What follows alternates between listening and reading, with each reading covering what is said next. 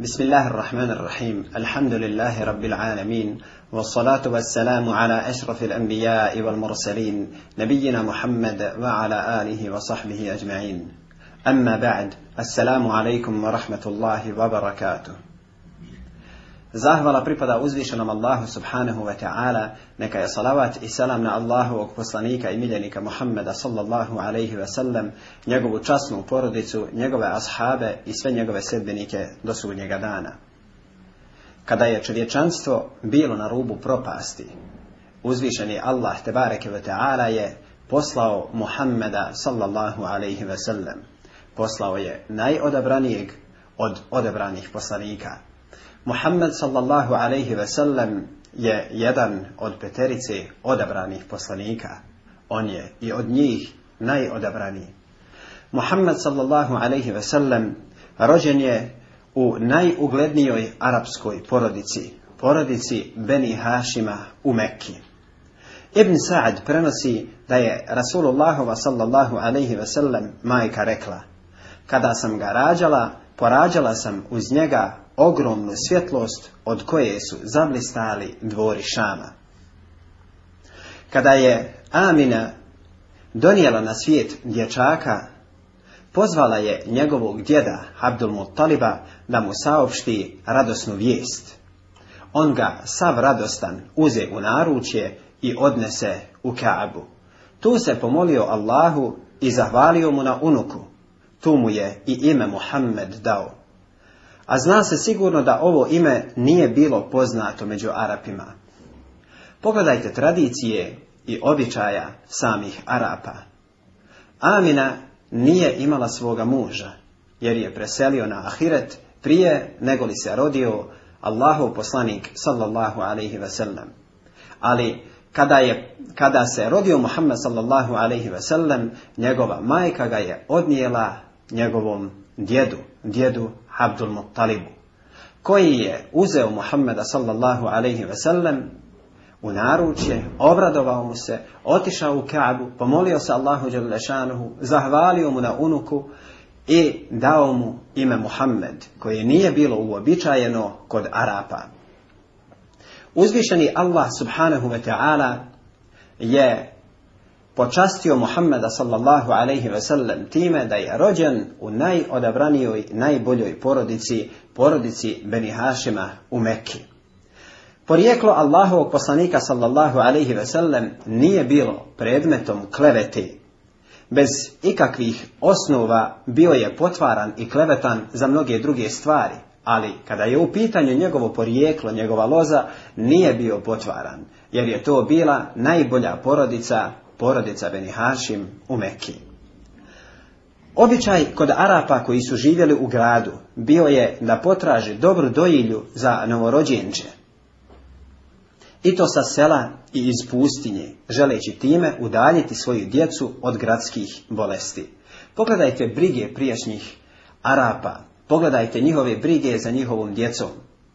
Iako su djeca rađana u Mekke, iako su rađana od dobrih E, u dobrim porodicama, od dobrih roditelja, ipak su nastojali da svoju djecu pošalju na dojenje u pustinju, da ih pošalju na selo.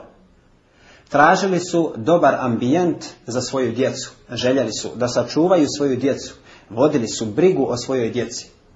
Nastojali su po svaku cijenu da svoje dijete dobro odgoje, nastojali su po svaku cijenu da pruže ispravan odgoj svome djetetu prije svega da u pogledu samog zdravlja stasaju na čistoj i zdravoj havi.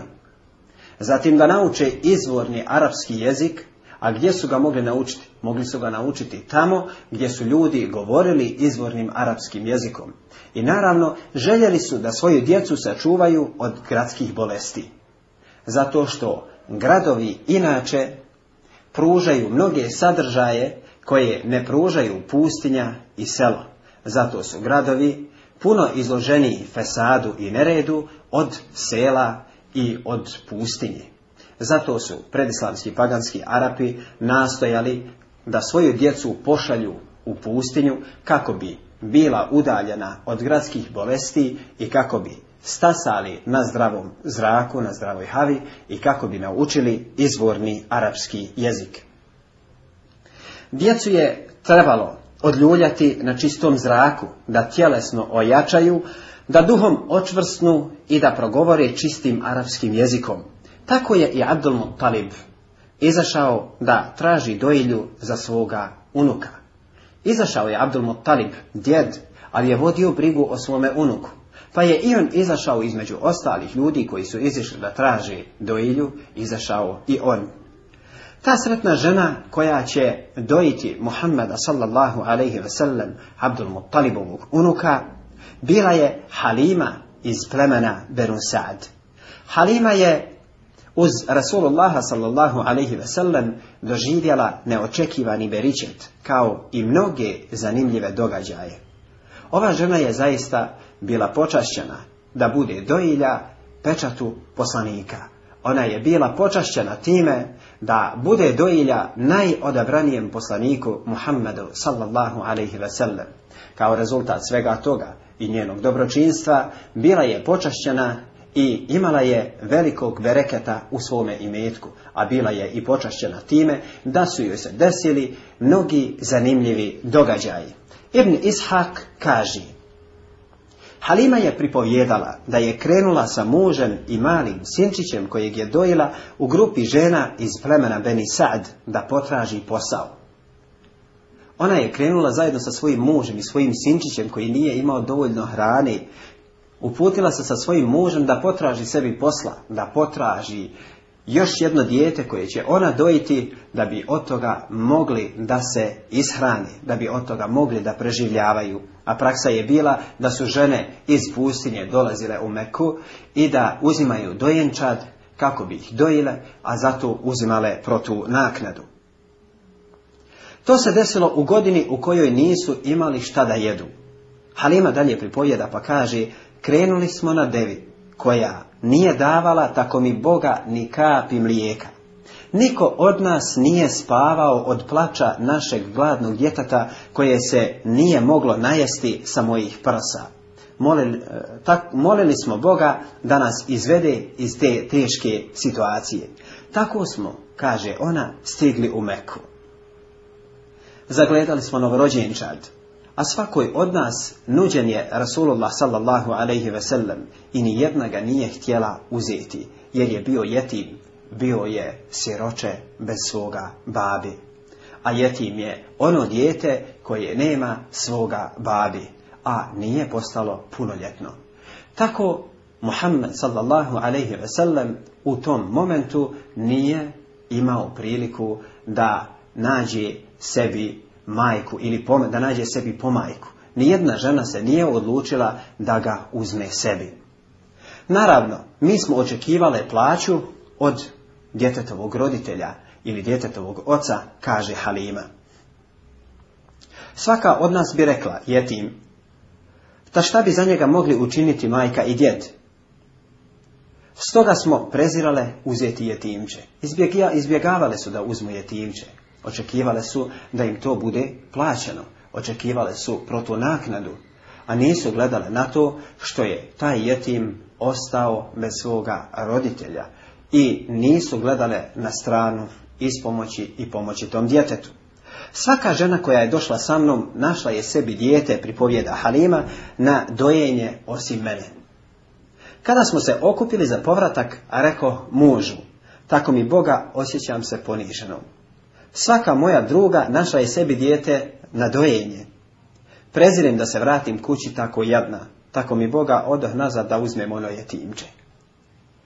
Budi bez brige, učini to. Bodio joj je njen muž, koji je pružio potporu takvim momentima, kada se ona osjećala poniženom, kada se osjećala poraženom. Tada joj je njen muž pružio potporu. Vrati se, budi bez brige, učini to. Bodrio ju je da ona uzme to je timče i da ga doji.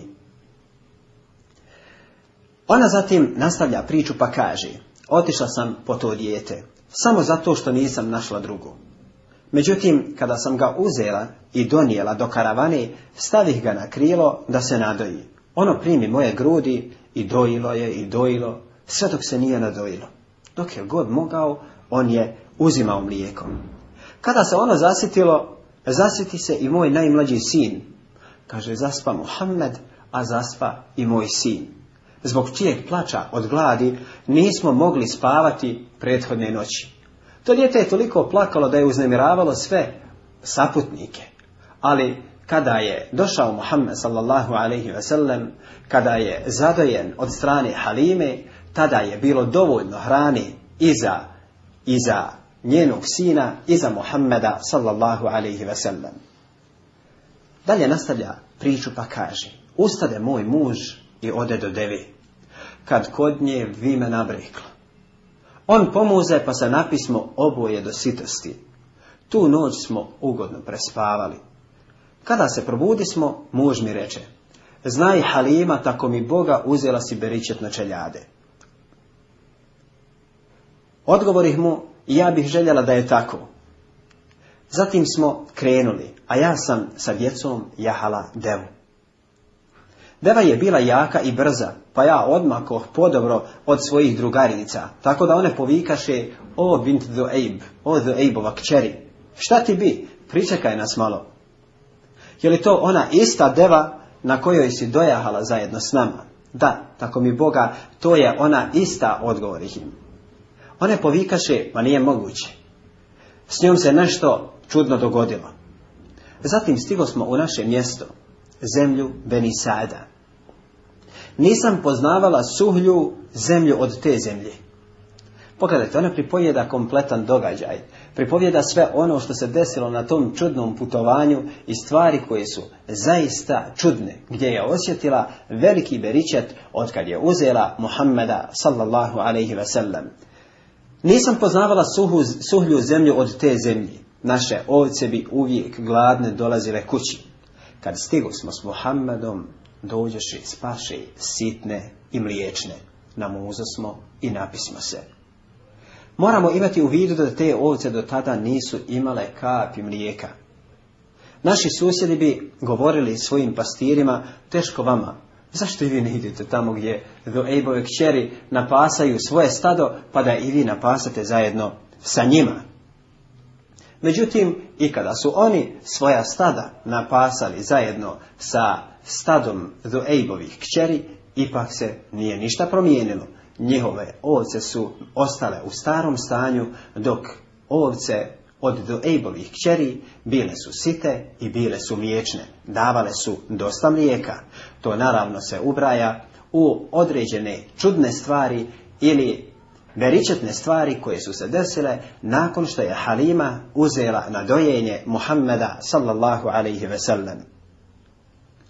Mi smo kroz to stalno osjećali Božje dobro pripovjeda Halima, njegovu ispomoć i obskrbu. To je trajalo, a Mohamed je napunio dvije godine. Odvojih ga od prsa izgledao je i jači i krupniji nego njegovi vršnjaci. Tada odluči smo da ga odnesemo njegovoj majici, naravno tužni i nesrećni zbog rastanka, jer on je proveo kod njih nepune dvije godine. Bio je to, naravno, težak rastanak, i sama pomisao na taj rastanak teško je padala Halimi i njenim ukućanima. Majci smo pričali kako smo s njim zaimali beričet, pa joj rekao, kad bi ga još malo ostavila kod nas da ojača, bilo bi mu bolje nego u gradu. Bojim se da mu ne naudi gradski vazduh. Halima je govorila ono što je išlo u prilog njoj, da uzme Muhammeda sallallahu alaihi wasallam sebi još na neko vrijeme, da ga zadrži, da ostane kod nje na selu, da ostane kod nje u plemenu Beni Sad. Halima nastavi, ma nismo se ni nadali, a Amina se odmah odluči da ga povedemo nazad sa sobom. Ona se nije toliko ni nadala, ali eto pokušala je. Pokušala je ubijediti, ubijediti Aminu da ona da Muhammeda sallallahu alaihi ve sellem još neki vremenski period kod nje na na život, to jest da provede još neko vrijeme u plemenu Benisad. Tako je Rasulullah sallallahu alaihi sellem ostao u plemenu Benusad, što mu je, je pomoglo da bude stasit, zdrava tijela, odvažna srca, te da još u mladosti upozna klasični ili izvorni arapski jezik i vještinu jahanja. Vodili su brigu o određenim osobinama koje su bitne za budućnost čovjeka. Prije svega vodili su brigu o zdravlju. Vodili su brigu o tome da bude stasit, da bude jaka i stabil, jaka ličnost, da bude jakog, jake građi, da bude odvažna srca, jer život na selu zahtjeva od čovjeka, posebno u takvim okolnostima, i odvažnost, te da još u mladosti kaže upozna izvorni arapski jezik da se poduči ispravnom jeziku, da nauči govoriti arapski jezik na ispravan način, jer često se dešava da se iskrivi jezik, kao što se i naš bosanski jezik u mnogim situacijama iskrivi u samom govoru, imate mnoge deformacije našeg jezika. Pa tako imate gubljenje slova prilikom izgovora, ne upotpunjavaju se riječi i tako dalje.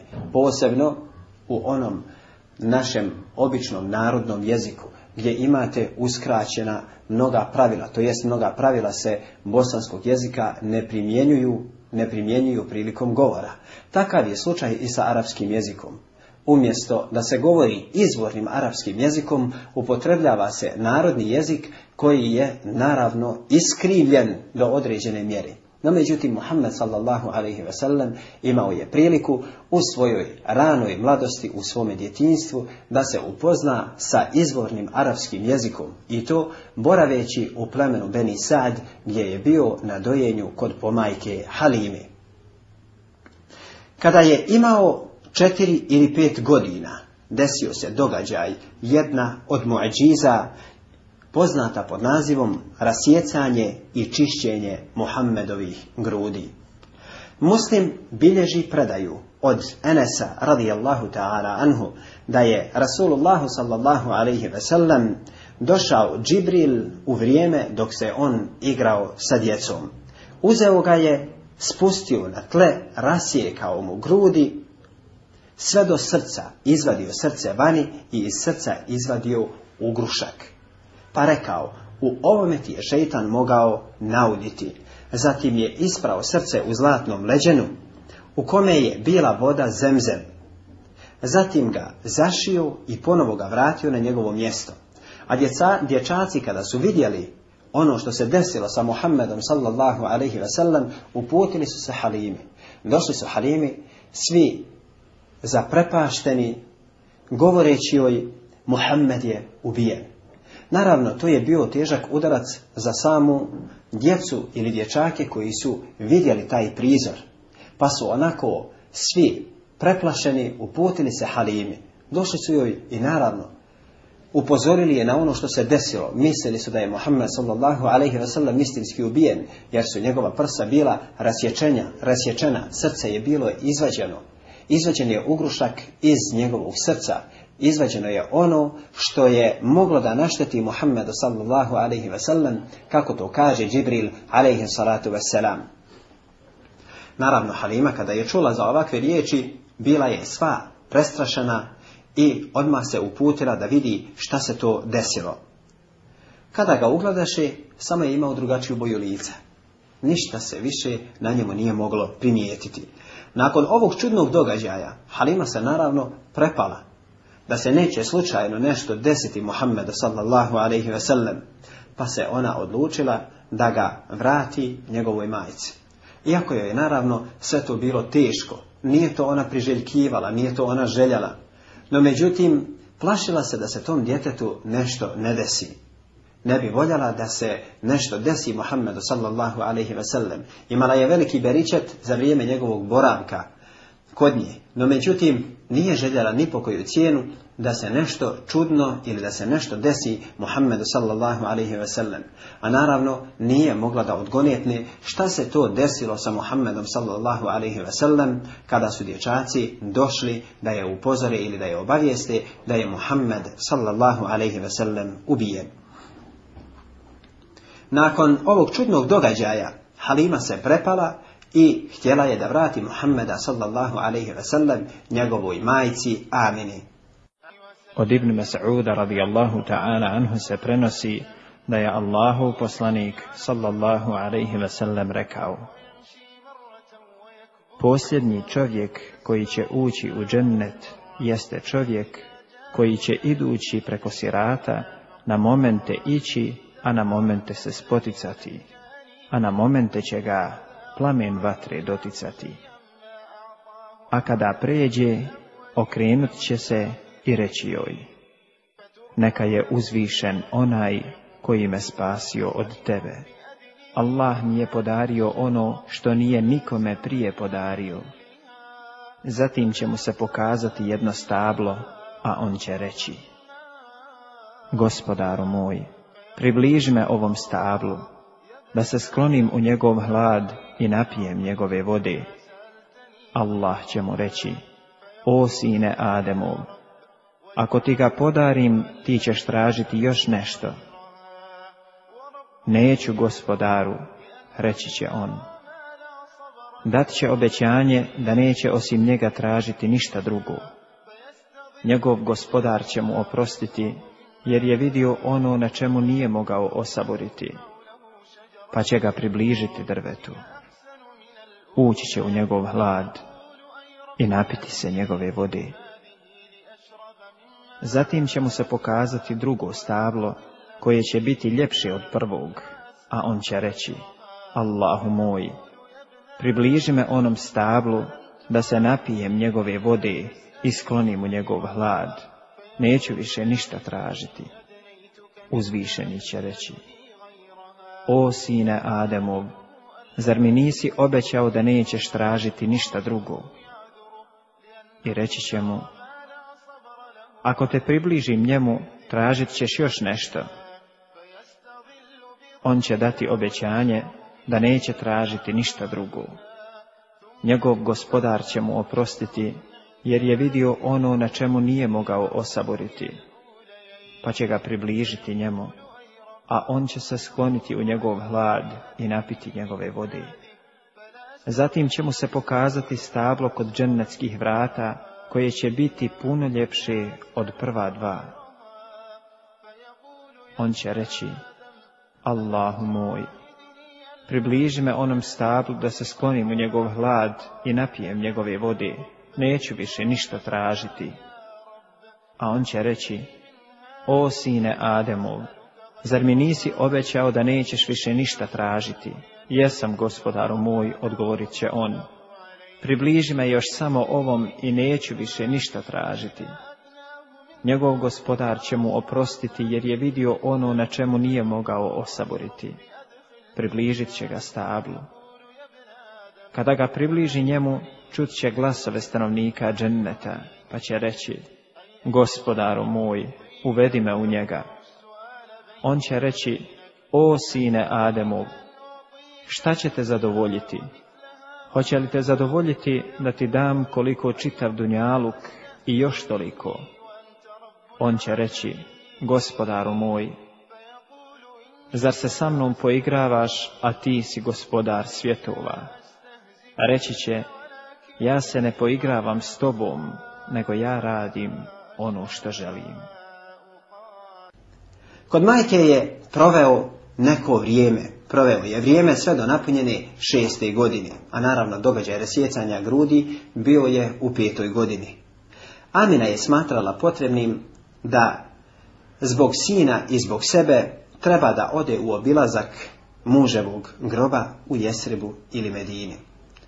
Pošto je njen muž preselio u Jesribu na jednom od putovanja, a Medina je nosila naziv Jesrib, u to vrijeme, ona je smatrala da bi trebala otići posjetiti kabur svoga muža. Što je naravno ona i učinila. Ona se uputila zajedno sa Muhammedom sallallahu alaihi wasallam svojim sinom, uputila se sa služavkom Ummu Ejmen i sa svekrom Abdul Muttalibom.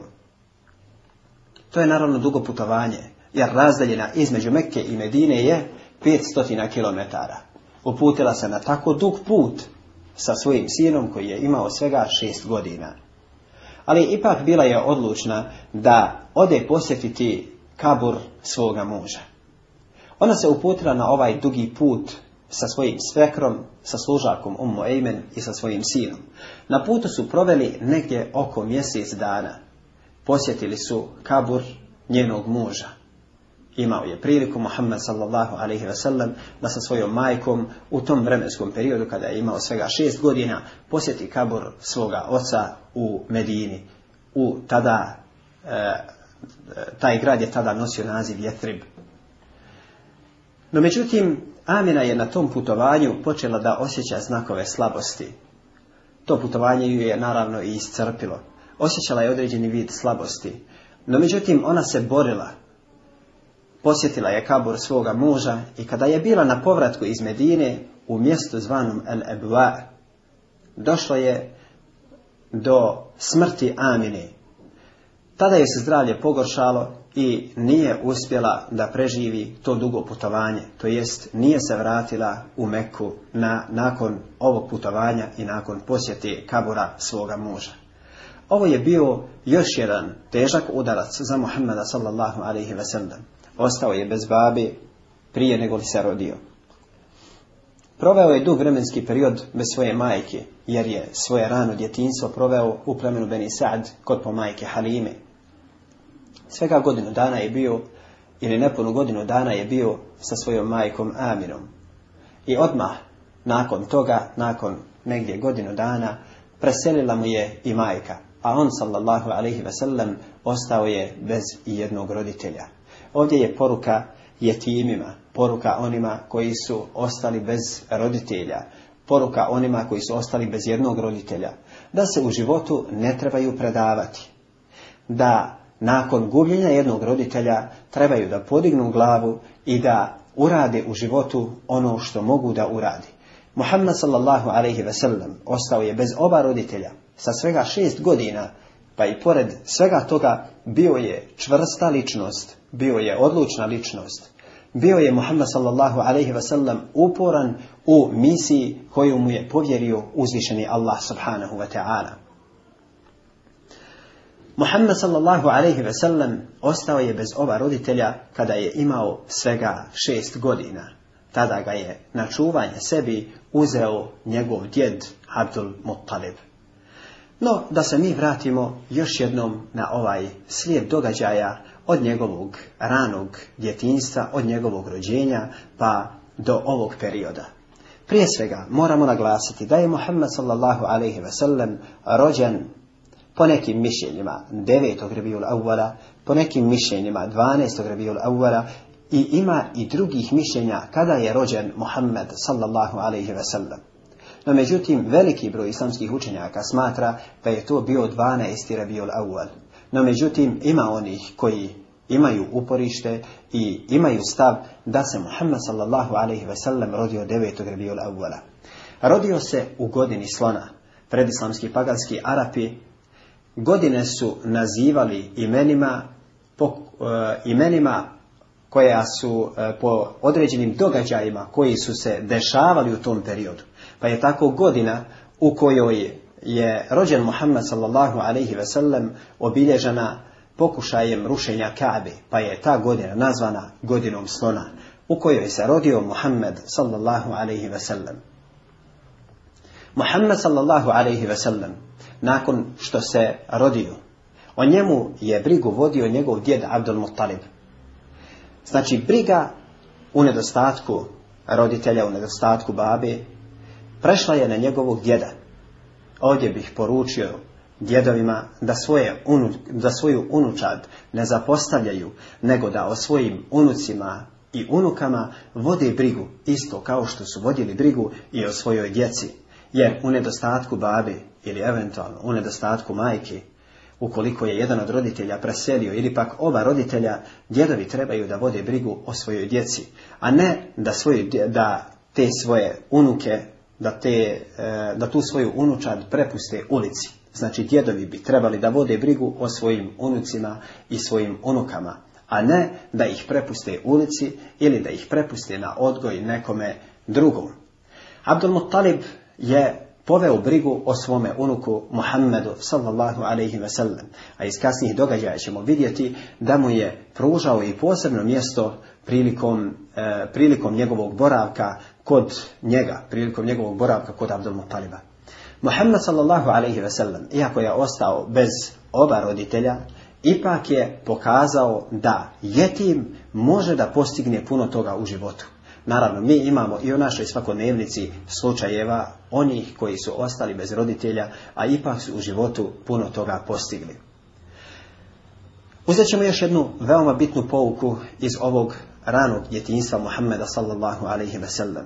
Briga roditelja ili briga djedova ili briga članova porodice o samoj djeci. O čemu su vodili brigu? Jesu li, je li Abdul Muttalib u ovom periodu vodio brigu više o tome da mu priskrbi i metak ili je vodio više brigu o stvarima koje će mu koristiti za život više nego li i metak. Više su posvećivali pažnju odgoju djeteta više su posjećivali pažnju da dijete stasa kao zdravo, daleko od iskvarenosti, daleko od bolesti gradova i tome slično. Nekoli što su posvećivali pažnju da se djetetu, da se djetetu priušti i metak. Roditelji puno brigu vode o tome da djetetu priušte i metak, a ne vode brigu o tome kako će to dijete biti odgojeno. Pa se tako djeca zapostavljaju, Roditelj priskrbi svome djetetu, čak i kuću mu napravi. Priskrbi svome, e, svome djetetu i auto. Priskrbi mu mnogo što šta. No međutim, dijete nakon što stasa, bori se kroz život, on stekne i metak i odlazi, pravi novu kuću, kupuje sebi novije auto, udaljava se od roditelja i tako dalje i tako dalje. Nije djetetu pružio glavni odgoj. Posvetimo pažnju odgoju naše djeci. Posvetimo pažnju da naša djeca budu ispravno odgojena u skladu sa islamskim propisima, a imetak koji im trebamo pružiti, ako smo u mogućnosti, to ćemo im pružiti, ali je bitnija stvar da im pružimo ispravan odgoj. Ako djeci budemo pružili ispravan odgoj, oni će nam, inša Allahu ta'ala, koristiti ukoliko doživimo starost. No međutim, ako im pružimo imetak, a ne budemo im pružili odgoj, Često se dešava da takva djeca zapostavi svoje roditelje, ostave ih u staračkim domovima ili ih ostave da žive sami, ne želeći i ne posjećujući svoje roditelje. Da navedemo neke od primjera iz naše svakodnevnice. Koliko imate sinova i kćeri koji apsolutno ne žele posjetiti svoga roditelja? Koliko imate slučajeva da sin stanuje recimo na spratu ili stanuje u prizemlju, a neće posjetiti svoga roditelja koji stanuje na spratu ili u prizemlju. U istoj kući stanuju, no međutim neće da posjeti svoga babu, neće da posjeti svoju majku. Ponekad zbog hatara žene, ponekad zbog nekog zbog nekih razmirica koje nemaju nikakvog osnova i nikakve podloge i tome slično. Ponekad zbog svojih vlastitih čejfova ili što smatra da su oni prevaziđeni, da više ne treba o njima, o njima brigu ni voditi. No međutim, pogledajmo život predislamskih araba. Oni, iako su bili zastranili u nekim stvarima, ipak su posvećivali pažnju odgoju djeteta. Zato iz svega ovoga možemo uzeti pouku. Oni su vodili računa o odgoju djeci. Naravno, ova, ovu vrstu odgoja, odgoja djeci, Islam od nas traži. Od nas se traži da mi svoju djecu ispravno odgajamo. To su činili predislamski paganski Arapi. Stvari koje se ne kose sa propisima Islama, mi ćemo ih samo unapređivati. No međutim, stvari koje se kosi sa propisima Islama, njih ćemo ostavljati po strani. Stoga, ovdje možemo da uzmemo pouku da trebamo voditi brigu o odgoju svoje djece, da ta djeca stasaju na ispravnim osnovama, da vodimo brigu i o njihovom zdravlju, da vodimo brigu o njihovom odgoju, da vodimo brigu o njihovom rječniku i kada smo već kod rječnika, da spomenem neke veoma ružne običaje koji su e, koji se nalaze u našem društvu, a to je privikavanje djece na veoma ružan rječnik. Na rječnik koji ne dolikuje odrasloj osobi, a kamoli djetetu. Ponekad roditelji podstiču i bodre svoje dijete da psuje. I kad čuje da je dijete nešto opsovalo, hajde još jednom, hajde babo čuje kako ti ono psuješ, Hajde mama čuje kako ti ono psuješ, Da djedu reci kako ti ono psuješ. Hajde još jednom ponovi. Pa dijete se navikava od svog ranog djetinjstva da psuje i vrijeđa. Pa kada stasa, kada jača malo, onda počne da vrijeđa i svoje roditelje. Tako roditelji sami odgajaju svoju djecu da ih sutra njihova djeca uznemiravaju, da ih psuju, da ih vrijeđaju. Zatim, kaže, hajde bolan, daj, malo, daj jedno, samo jedan dim povuci. Hajde, daj malo, nema veze jednu čašicu, ima dijete šest godina, sedam godina, hajde jednu čašicu, da nasućemo piva i tome slično. Hajde, kaže, nema veze. Da vidi, kako je interesantno. Igraju se sa svojom djecom. A kako se igraju? Igraju se sa budućnosti svoje djece, navikavaju djecu s šest, sedam godina na poroke. Navikavaju svoju djecu na loš odgoj, na loš edeb. Privikavaju svoju djecu na psovku, na vrijeđanje. Pa sutra dijete kud vrijeđa komšiju, kud vrijeđa ostale građane, kud vrijeđa svoje roditelje, kud zapostavlja svoje roditelje i tako dalje i tako dalje. Nemojte misliti da ćete zapostaviti svoga roditelja, a da sutra očekujete da vas vaša djeca pazi. Nego vodite računa o tome da vi cijenite i poštujete svoje roditelje, pa očekujte i molite Allaha Đaldešanohu da naravno nakon što ste lijepo odgojili svoju djecu, da i vas vaša djeca poštuju. وأما الجدار فكان لغلامين يتيمين في المدينة وكان تحته كنز لهما وكان أبوهما صالحا kao podsticaj na dobar i lijep odgoj djece. U slučaju u kome je Hidr, Hader, radijallahu ta'ala anhu, srušio onaj zid u onom poznatom putovanju između, eh, koje se desilo između Musa, alaihi salatu wasalam, i Hadera, Kada je Hades srušio zid, Musa alaihi salatu wasalam, kada je popravio zid, Musa alaihi salatu wasalam je reagovao. Htio je da uzme nakradu za to. No međutim, na kraju toga zivanja, kaže uzvišeni Allah tabarika ta'ala govoreći o tome وَأَمَّا الْجِدَارُ فَكَانَ لِغُلَامَيْنِ يَتِيمَيْنِ فِي الْمَدِينَةِ وَكَانَ تَحْتَهُ كَنْزٌ لَهُمَا وَكَانَ أَبُوهُمَا صَالِحًا Dobrota roditelja može biti sebebom da sačuvate i metak vašeg djeteta. Ako vi budete dobri prema Allahu Đelešanu, možda će Allah Đelešanu sačuvati, sačuvati vaše dijete. Što se tiče zida, kaže Hader, kako to govori uzvišeni Allah Đelešanu, što se tiče zida, on je pripadao dvojici dječaka, jetima, وأما الجدار فكان i يتيمين i المدينة dvojici dječaka jetima iz grada tahtahu Kaže, a ispod tog zida bio je, bila je njihova riznica. ebuhuma saliha, Kaže, njihov babo je bio dobar čovjek. Allah je sačuvao njihovu riznicu koja se nalazila ispod zida, sačuvao je njihovu riznicu ispod zida, vakale buhuma saliha, zato što njihov babo bio dobar. Dobrota insana može se odraziti na njegovo dijete kao što i loše ponašanje, loš odgoj roditelja i njegovi grijesi se mogu odraziti na samo dijete. Zato vodite računa o tome kako ćete odgajati svoju djecu. Vodite brigu o svojoj djeci, posvetite im pažnju, Odgojite ih na ispravnim osnovama i puno više pažnje posvetite njihovom odgoju, njihovom terbijetu, nego li što ćete posvetiti pažnju, nego li što ćete posvetiti pažnju drugim stvarima koje su možda marginalne.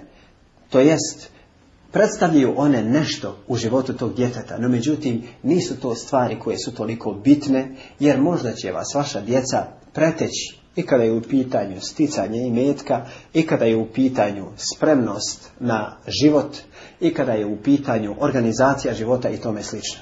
Roditelj se bori da roditelj se bori da djetetu obezbijedi određene stvari koje dijete koje e, djetetu možda i nisu toliko potrebne.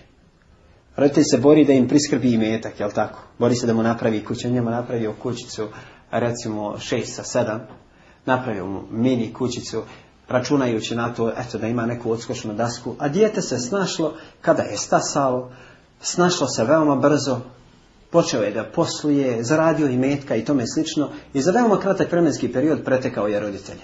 A zašto se onda roditelj opterećuje tim stvarima toliko? Roditelj, ako ima mogućnosti da ostavi i metka djetetu, neka to uradi. Ali, ne smije to stavljati u prioritetne stvari. U prioritetne stvari se mora staviti odgoj, odgoj djeteta. Pogledajte, Muhammed sallallahu alaihi ve sellem u samom svom ranom djetinstvu je bio odgajan na ispravnim principima. Bio je podučavan odmah izvornom arapskom jeziku, učio je odmah jahanje, učio je sposobnost, baratanje. Bio je stasit, bio je oštrouman, bio je brižan i tako dalje i tako dalje. Zato je Rasul sallallahu ve sellem i ispunio svoju misiju, dostavio je poslanicu koju je poslao uzvišeni Allah subhanahu wa ta'ala. Allaha uzvišenog molim da nam naše grijehe oprosti, da nas sačuva zastranjivanja sa pravog puta. Allahu moj, učini nas od onih koji će, koji će ti robovati, koji će činiti dobročinstvo svojim roditeljima, Allahu moj, tebe molim da nas potpomogneš u preostalom dijelu našega života. Gospodaru moj, neka nam život Muhammeda sallallahu alaihi ve sellem bude pouka. Allahu moj, učini nas od onih koji će iz života Muhammeda sallallahu alaihi ve sellem uzimati pouke, koji će njegov život primjenjivati, koji će uzeti pouke iz njegovog života i to primjenjivati u svome životu. Allahu moj, tebe molim da nas učineš od onih koji će istinski robovati uzvišenom Allahu subhanahu wa ta'ala i koji će se i koji će zaraditi nagradu na sudnjem danu. Wa akhiru da'wana an alhamdulillahi rabbil alamin wa subhanaka Allahumma wa bihamdik ashhadu an la ilaha illa anta astaghfiruka wa atubu ilaik.